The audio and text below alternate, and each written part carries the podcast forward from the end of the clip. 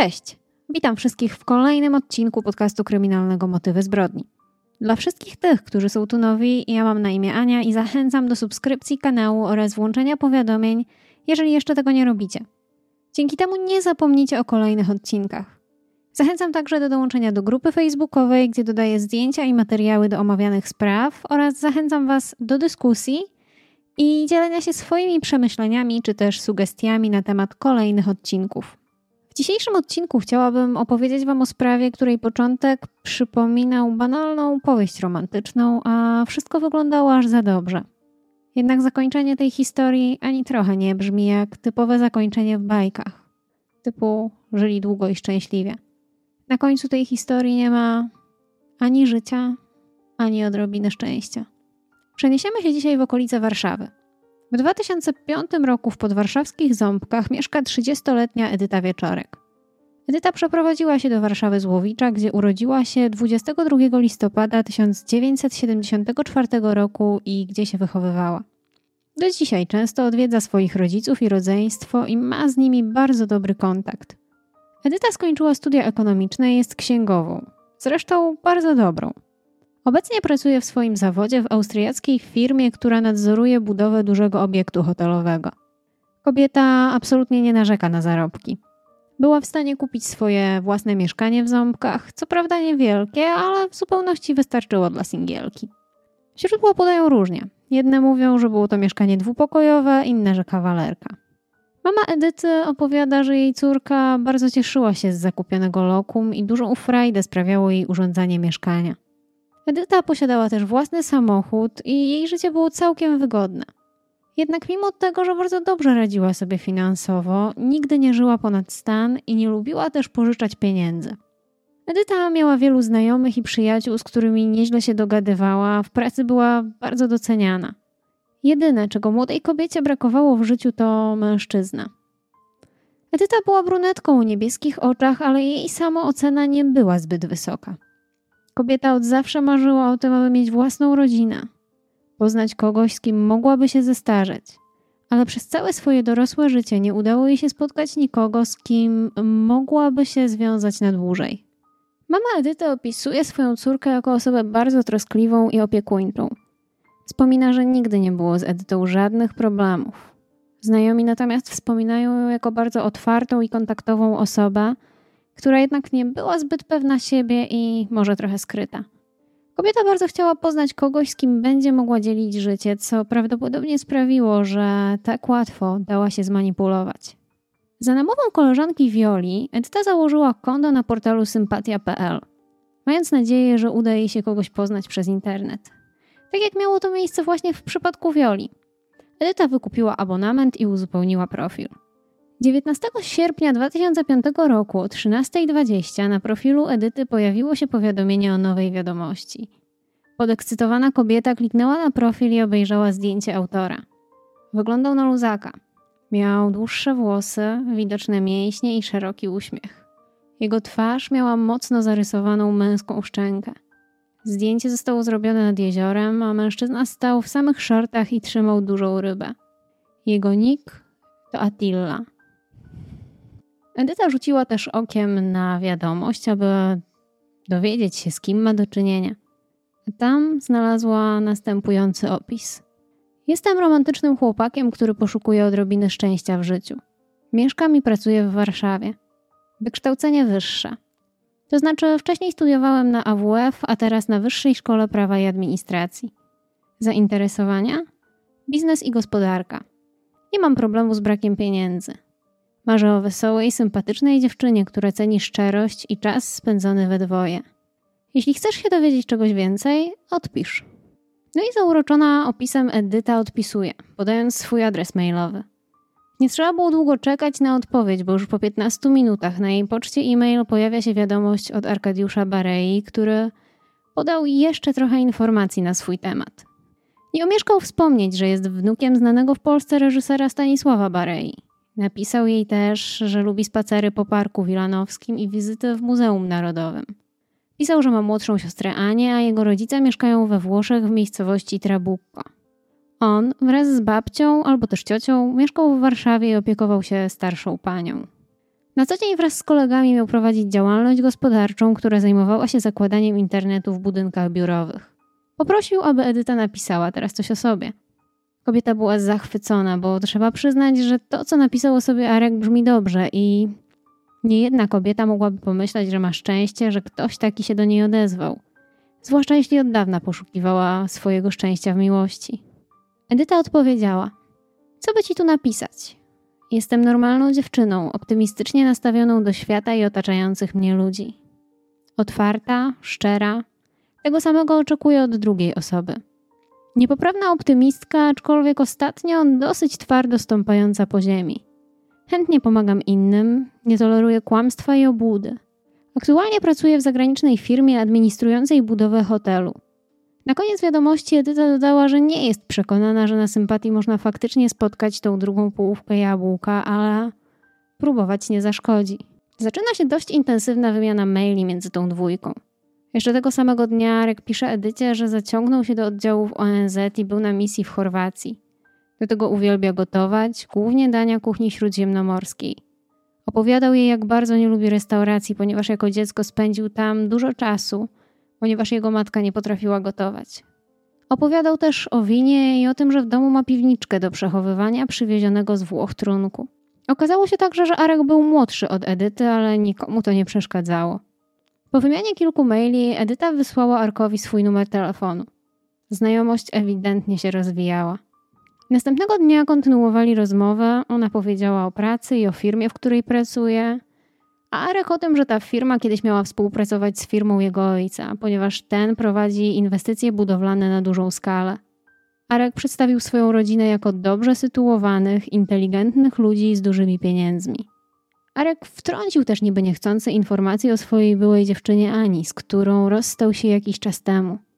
Opowiadał Edycie, jak mocno przeżył to rozstanie. Miał nawet wyjechać na medytację do klasztoru, aby sobie z tym poradzić.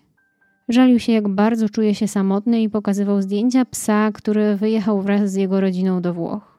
W końcu nadchodzi ten dzień, kiedy Arek i Edyta postanawiają się spotkać w realu. Umawiają się na spacer w łazienkach. Ze zeznań jej przyjaciółki, której Edyta natychmiast po powrocie z randki się zwierzyła, wiemy, że spotkanie było bardzo udane.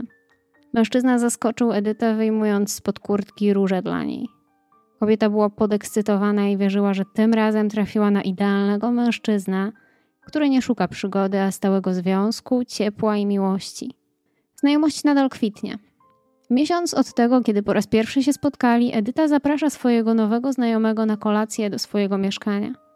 Kobieta proponuje, że przygotuje lasagne, a Arek oferuje, że przyniesie wino. Arek mówi, że. Arek mówi na Edytę gwiazdeczko. Tego wieczoru kolacja kończy się śniadaniem. Edyta ponownie zwierza się swojej przyjaciółce, że przywiózł jej róże i został do rana. Mężczyzna miał powiedzieć Edycie przy śniadaniu, że ta zawróciła mu w głowie i przewróciła cały jego świat do góry nogami. Dał jej też karteczkę, na której było napisane: Kocham cię. Chcę ci otworzyć drzwi do raju. Edyta przyznała, że była bardzo szczęśliwa. Ludzie wokół niej też to widzieli. Kobieta dosłownie promieniała. Niedługo po tym spotkaniu kontakt Arka i Edyty trochę jakby się rozluźnia. Arek nie odpisuje jej już tak szybko i nie pisze tak dużo. Próbuje w pewien sposób pokazać kobiecie, że ma wrażenie, że nie do końca jej na nim zależy. Nie chce też już się z nią spotykać tak często, a za każdym razem, kiedy ona prosi go o wspólny weekend, kolację czy chociaż spacer, on wykręca się tym, że ma za dużo pracy albo przerywa połączenie, tłumacząc, że padł mu telefon. Niestety nikt z rodziny Edyty nie poznał Arka. Jej koleżanki i znajomi także nigdy go nie, nie widzieli. Wiedzieli o jego istnieniu, ale nic dokładnego. I nie dlatego, że Edyta nigdy nie chciała przedstawić Arka swoim bliskim, ale dlatego, że to on miał takie życzenie. Tłumaczył Edycie, że chce, żeby to dla wszystkich była niespodzianka, że się pobierają. Mieli zaplanowane spotkanie z rodzicami jej i jego 19 listopada 2005 roku. Wtedy też matka Arka miała przywieźć mu z Włoch ich rodowy pierścionek, który Arek miał wręczyć swojej wybrance. A ślub miał się odbyć w grudniu we Włoszech. Edycie udało się odwiedzić rodziców w Łowiczu i kiedy tylko stanęła w drzwiach rodzinnego domu, jej mama od razu wiedziała, że coś się zmieniło w życiu jej córki. Edyta skłamała i powiedziała, że poznała Arka przez znajomych. Kobiecie trochę dziwne wydawało się, że chłopak, który pochodzi z bogatego domu i ma własną firmę, jeździ starym polonezem, ale Edyta broniła swojego narzeczonego, mówiąc, że nie zależy mu na rzeczach materialnych. Matka dopytywała też, jak widzą swoją przyszłość, gdzie zamierzają zamieszkać po ślubie, czy w jej małym mieszkaniu. Edyta nawet zażartowała, że dla tak światowego człowieka to za mała przestrzeń i prawdopodobnie przeniosą się do mieszkania, które Arek miał odziedziczyć po babci lub cioci. Edyta umawia się też ze swoją przyjaciółką Wiolą na przymiarkę sukni ślubnej 14 listopada. Wiola wspomina, że bardzo chciałaby poznać Arka, ale Edyta przekonywała ją, że to takie romantyczne, że to tajemnica i że Arek wręcz błaga ją, aby zaczekać. Wiola trochę bardziej trzeźwo patrzyła na całą tą sytuację i trochę jej nie pasowała ta cała tajemnicza otoczka. Jednak nie miała za bardzo danych, żeby chociaż móc sprawdzić firmę Arka czy czegoś się o nim dowiedzieć. Tymczasem Edyta i Arek kontynuują swój romans. Prowadzą długie rozmowy o przyszłości, wyobrażają sobie, jak urządzą wspólne mieszkanie. Jednak w którymś momencie Arek pokazuje Edycie zdjęcie swojej byłej dziewczyny, Ani, która wygląda na bardzo atrakcyjną kobietę. Edyta nie była bardzo pewną siebie osobą i w pewnym momencie zaczęła się nad tym zastanawiać, a nawet wprowadziło ją to w zły nastrój. Mówiła Arkowi, że tamta jest ładniejsza i że nie jest to dla niej dobre porównanie. Edyta żaliła się Wioli, że czasem ma wrażenie, że coś jest nie tak, ale już następnego dnia wszystko wraca do normy. Wiola miała jakieś złe przeczucia, ale na długi weekend wybierała się do Paryża i planowała spotkać się z przyjaciółką, jak tylko wróci. W międzyczasie Arek powiedział Edycie o pewnym interesie, a właściwie o interesie życia, o którym właśnie się dowiedział. Chodziło o zakup sprzętu komputerowego w Niemczech i sprzedaż go kontrahentowi w Polsce w bardzo krótkim czasie. Dało się na tym zarobić duże pieniądze, jednak był pewien problem. Arek miał tylko część pieniędzy. Przelał na konto sprzedającego 78 tysięcy złotych, ale był warunek, że jeśli nie zapłaci całości, to straci wszystkie pieniądze i nie otrzyma sprzętu. Miał dopłacić 80 tysięcy, których nie posiadał i chciał pożyczyć je od Edyty. A zarobione na tym interesie pieniądze chciał przeznaczyć na zakup dużego mieszkania, w którym mieliby wspólnie zamieszkać. Edyta, która normalnie miała raczej negatywny stosunek do pożyczania pieniędzy, tym razem postanowiła zmienić swoje zasady i wręcz stanęła na głowie, aby zdobyć potrzebną kwotę. Kolega Edyty, który był świadkiem całego jej romansu i wielu rozmów telefonicznych z Arkiem, dziwił się, że taki interes nie jest asekurowany umowami. W końcu chodziło tam o sporą pożyczkę i bardzo duże pieniądze. Ale Edyta nie chciała słuchać rad kolegi z zabiórka. W międzyczasie Edyta dostaje dziwnego maila, którego nadawcą jest Ania. Kobieta pisze do niej. Hejka Edyta, pewnie nie wiesz kim jestem, więc się przedstawiam. Nazywam się Ania. Zastanawiasz się, czego chcę od ciebie. Otóż jako osoba miła i wrażliwa chcę ci pomóc. Dobrze rozumiesz. Pomóc. Przez przypadek wpadł mi w rączki twój adres mailowy. Wiem, że od dłuższego czasu spotykasz się z Arkiem, ale uwierz mi, to nie ma sensu. Byłam z nim przez dłuższy czas, kilkanaście miesięcy temu. I wiem, że na pewno do mnie wróci. Po prostu chcę ci oszczędzić stresu. Proszę cię, żebyś odpuściła sobie. Zapewniam cię, cukiereczku, że ja nie odpuszczę. Już w tej chwili jestem Markowi potrzebna. Ja mu pomogę zrealizować jego marzenia i cel. Mam na myśli pewną transakcję finansową. To niewygórowana cena za szczęśliwe życie, prawda? Teraz wyjeżdżamy we dwoje na kilka dni i postaram się, aby ten weekend na długo pozostał mu w pamięci. Ślę serdeczne pozdrowienia. Aneczka. Edyta oczywiście skonfrontowała te informacje z Arkiem i później opisywała to w mailu do Wioli. Mówiła, że Arek wszystkiemu zaprzecza i twierdzi, że od rozstania nie widział się z Anią. Jednak mail od rzekomej Ani zadziałał na Edytę tak, że ta postanowiła walczyć z nieznaną rywalką i zdobyć pieniądze niezbędne dla Arka do zakończenia tej transakcji. Edyta postanowiła zrobić dość ryzykowny krok, ponieważ chciała wziąć kredyt pod hipotekę mieszkania. Otrzymała też pożyczkę z pracy. Arek ciągle dopytywał Edytę, ile już zebrała, a ta robiła wszystko, co w jej mocy, aby mieć całą kwotę. 27 października Edyta w wiadomości SMS dopytuje Arka, o co chodzi – ma wrażenie, że ten dziwnie z nią rozmawia i czuje się dość niepewna. Nie wie, czy mężczyzna się znudził albo się rozmyślił ze wspólnych planów. Ten odpisuje, że zaczyna żałować wpłaconej kwoty w obawie, że straci wszystko, pokazując, że nie wierzy, że Edycie uda się zgromadzić środki na czas. 31 października Edyta otrzymała odmowę z banku, ponieważ wzięła za dużo kredytów. Bank nie chciał dać jej kolejnego na hipotekę jej mieszkania. Arek jest rozczarowany i ponownie wykręca się z wizyty w mieszkaniu Edyty. Kobieta wyraża obawę, że ten może ją zostawić, jeżeli interes nie wypali, ale Arek już nie odpisuje. 6 listopada Edyta ma już prawie całą kwotę. Brakuje tylko 6 tysięcy złotych. Napisała, że kolejnego dnia część pieniędzy wyśle mu przelewem, a część da w gotówce. Wtedy Arek zaproponował, żeby kupili obrączki. 10 listopada Edyta siedzi w biurze cała w emocjach. Tego dnia Arek miał odebrać towar w Kostrzynie nad Odrą. Kobieta z mapą w ręku mówiła mu, gdzie ma jechać i podawała mu wskazówki. Kiedy Arek poinformował ją, że towar został odebrany, Edyta pochwaliła się tym koledze z zabiórka. W końcu Arek poinformował ją, że towar został odebrany i Edyta pochwaliła się tym koledze z zabiórka. Jednak rozliczenie, ile zarobili na tej transakcji, miało się przesunąć o kilka dni, ale już teraz będą mogli wspólnie świętować sukces. Arek zaprosił Edytę na uroczystą kolację tego wieczoru. Tego dnia po pracy Edyta miała udać się do swojego mieszkania w Ząbkach, a stamtąd na kolację z narzeczonym w jego wynajętym mieszkaniu. To był ostatni raz, kiedy ktoś widział Edytę całą i zdrową, a tą osobą był jej kolega z pracy, Andrzej. Edyta jadąc samochodem do mieszkania Arka prowadziła jeszcze rozmowę telefoniczną z kimś z pracy i według zeznań tej osoby o 16.47 powiedziała, że właśnie dojechała. Tego samego dnia rodzice Edyty byli na imieninach u teścia drugiej córki, a Edyta zawsze dzwoniła, żeby złożyć mu życzenia. Dlatego też jej mama spodziewała się telefonu od swojej najmłodszej córki, ale ten nie zadzwonił. Justyna, siostra Edyty, uspokajała kobietę, że pewnie Edyta pojechała na weekend i zwyczajnie nie ma zasięgu.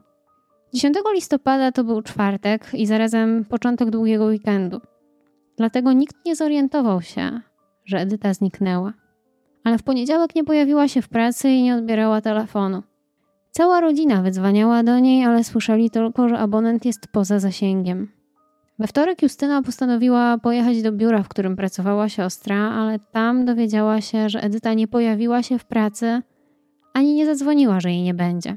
W środę rodzina Edyty i jej przyjaciółka Viola jadą pod dom, w którym mieszkała kobieta. Nikt z nich nie miał kluczy, więc zapytali dozorcę, czy przypadkiem w mieszkaniu na drugim piętrze nic się nie stało. Jakiś pożar czy pogotowie. Ale nic takiego. Rodzina postanowiła zgłosić zaginięcie Edyty na policję. Kiedy stoją w korytarzu na komisariacie, przechodzi obok mężczyzna z długimi włosami i zagaduje do nich niemiłym tonem. Wy jesteście od Edyty? Na milczenie rodziny Edyty ten reaguje agresywnie.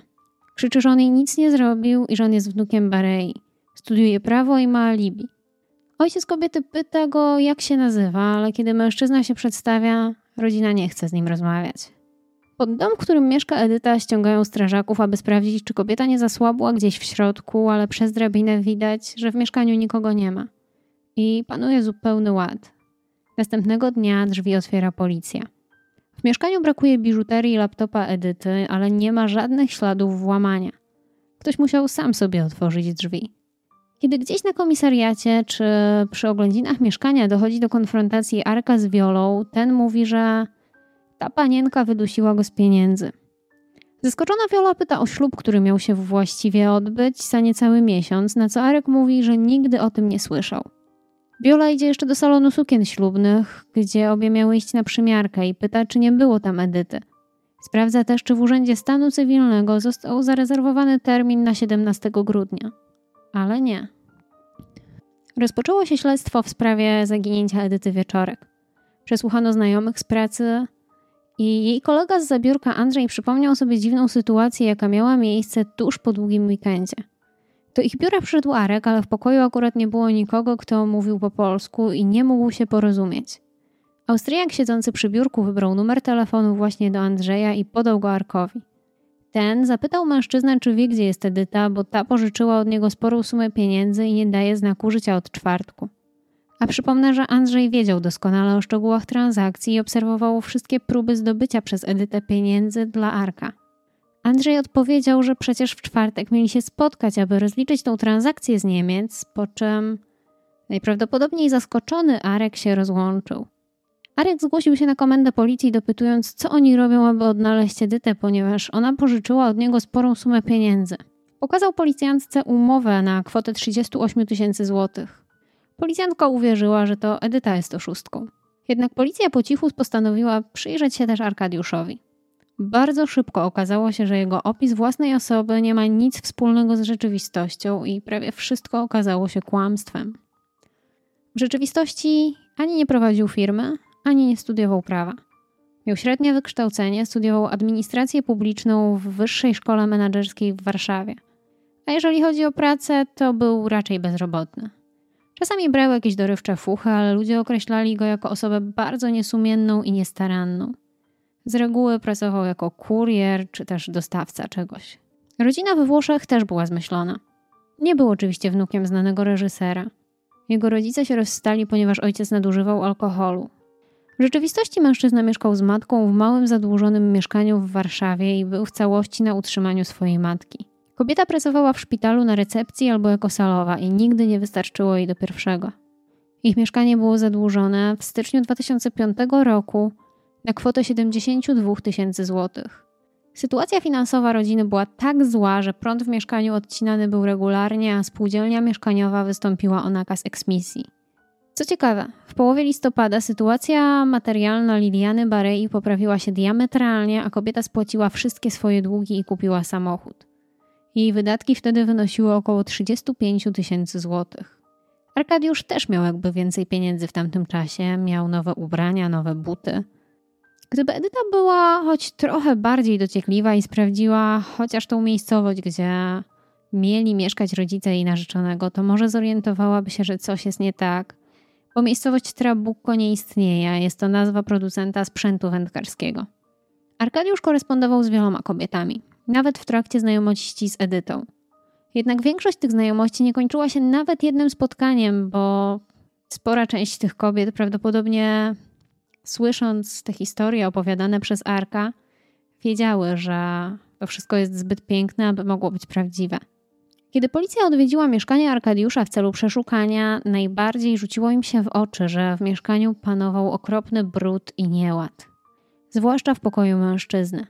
Znaleziono tam też kilka ciekawych rzeczy, takich jak umowę najmu mieszkania od 8 listopada 2005 roku. Znaleziono także biżuterię, nóż wojskowy kupiony 5 listopada na Allegro, amunicję gazową i kilka książek dotyczących kryminologii. I wiem, książki to za mało, aby kogoś podejrzewać, ale nóż i umowa najmu mieszkania są na pewno warte sprawdzenia.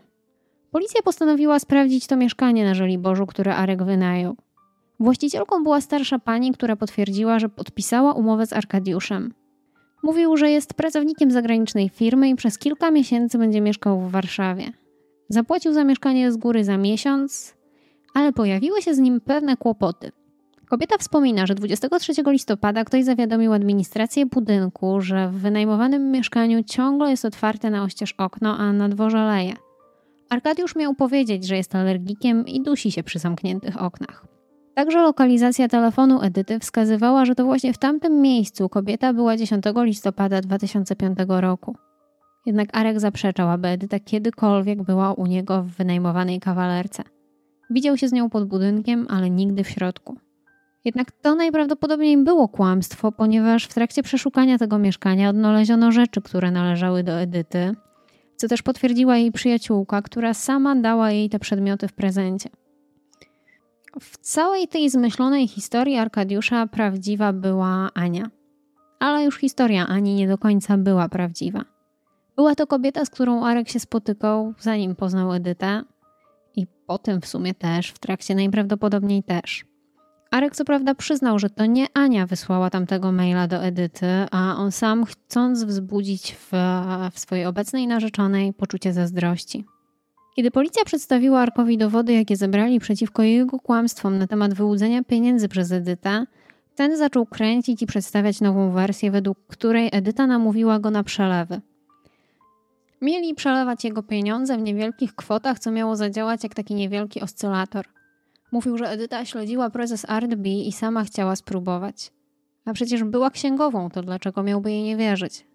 Co do wynajmowanej kawalerki na jaw wyszły kolejne problemy.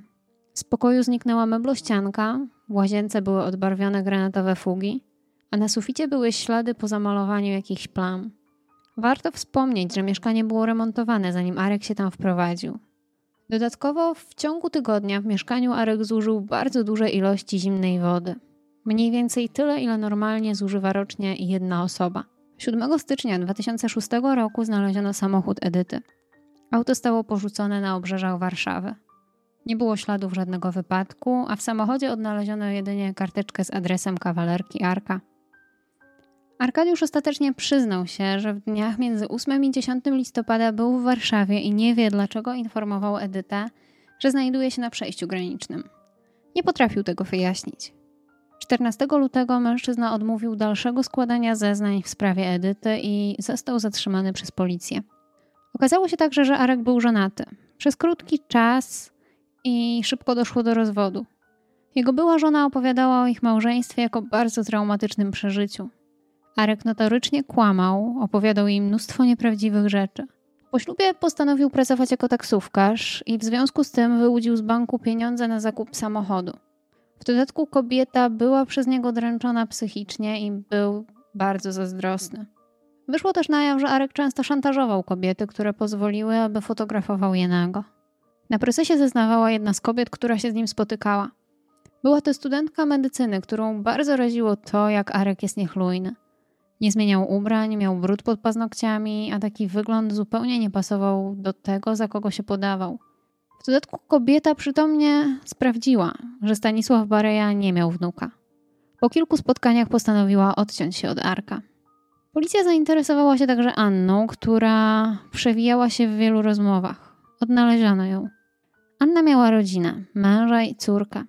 Arka poznała pracując w sklepie w 2004 roku. Zaimponował jej swoimi historiami i komplementami. Tym bardziej, że właściwie trafił na podatny grunt, bo Ania właśnie dowiedziała się o zdradzie męża, więc łatwo było ją uwieść. Przez jakiś czas para się spotykała, ale w końcu Ania chciała zerwać tę znajomość z Arkiem.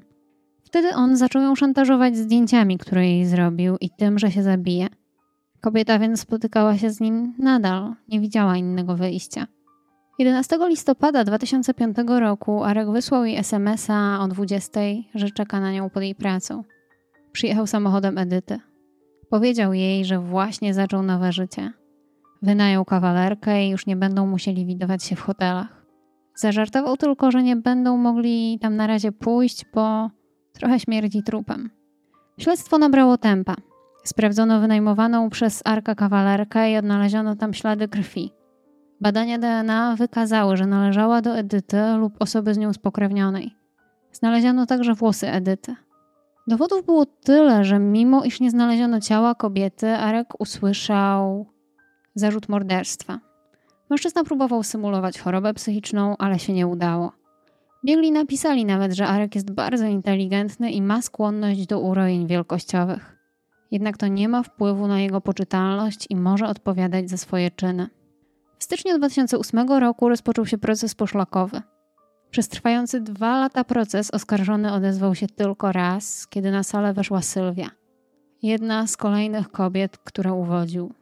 Ale ta była wyjątkowa, ponieważ to jej zaproponował, że pomoże jej się pozbyć męża. A to zdecydowanie nie było dla niego korzystne zeznanie. W lipcu 2010 roku proces dobiegł końca. Prokuratura domagała się dla oskarżonego najwyższej możliwej kary, czyli dożywocia. Natomiast obrońca oczywiście domagał się uniewinnienia swojego klienta, ponieważ nie było stuprocentowej pewności, że to on i że kogokolwiek zabił. Jedyne co było pewne to to, że Edyta przelała na jego konto 28 tysięcy złotych i że Arek kłamał. Nic więcej. Po tygodniu sąd wydał wyrok uniewinniający, natomiast Arek został skazany na 5 lat pozbawienia wolności za oszustwo, posiadanie amunicji do broni gazowej bez zezwolenia i jeszcze jakieś dodatkowe rzeczy. Miał wyjść w następnym roku, ponieważ 4 lata już przesiedział w areszcie. Oczywiście prokuratura złożyła apelację i proces rozpoczął się od nowa, aż w końcu doszło do odkrycia. W Wiśle odnaleziono kobiecą czaszkę. Po wykonaniu superprojekcji uznano, że może to być czaszka Edyty Wieczorek. Trzeba było jeszcze zaczekać na badania DNA. Niestety te wykazały, że czaszka nie należała do zaginionej kobiety. Ale tym razem, mimo wszystko, sąd miał inne zdanie co do winy oskarżonego i skazał go na dożywocie. Ciała Edyty nie znaleziono do dzisiaj.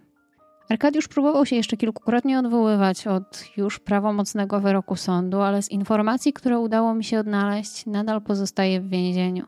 Dziękuję za wysłuchanie odcinka do końca. Dajcie znać, jakie wy macie odczucia na temat tej sprawy. Wydaje mi się, że można było tego uniknąć i że zawsze warto sprawdzać kogoś, kogo właśnie poznaliśmy i nie zrozumcie tego źle. Nie sprawdzać, że, że sprawdzać wszystko na temat tej osoby, ale jednak być może, nie wiem, przedstawić tą osobę chociaż komuś z naszych znajomych. Tutaj na przykład to było takim znakiem ostrzegawczym, że Arek tak bardzo nie chciał, aby ktoś ze znajomych czy też rodziny Edyty go, go poznał. I też fakt, że poprosił o pożyczenie dość sporej sumy pieniędzy, także powinno zapalić czerwoną lampkę. Cóż, czasem warto zwracać uwagę na takie szczegóły dla własnego bezpieczeństwa. Dbajcie o siebie, kochani. Jeżeli zauważycie coś niepokojącego u swoich bliskich, to nie bójcie się reagować, bo naprawdę możecie komuś pomóc.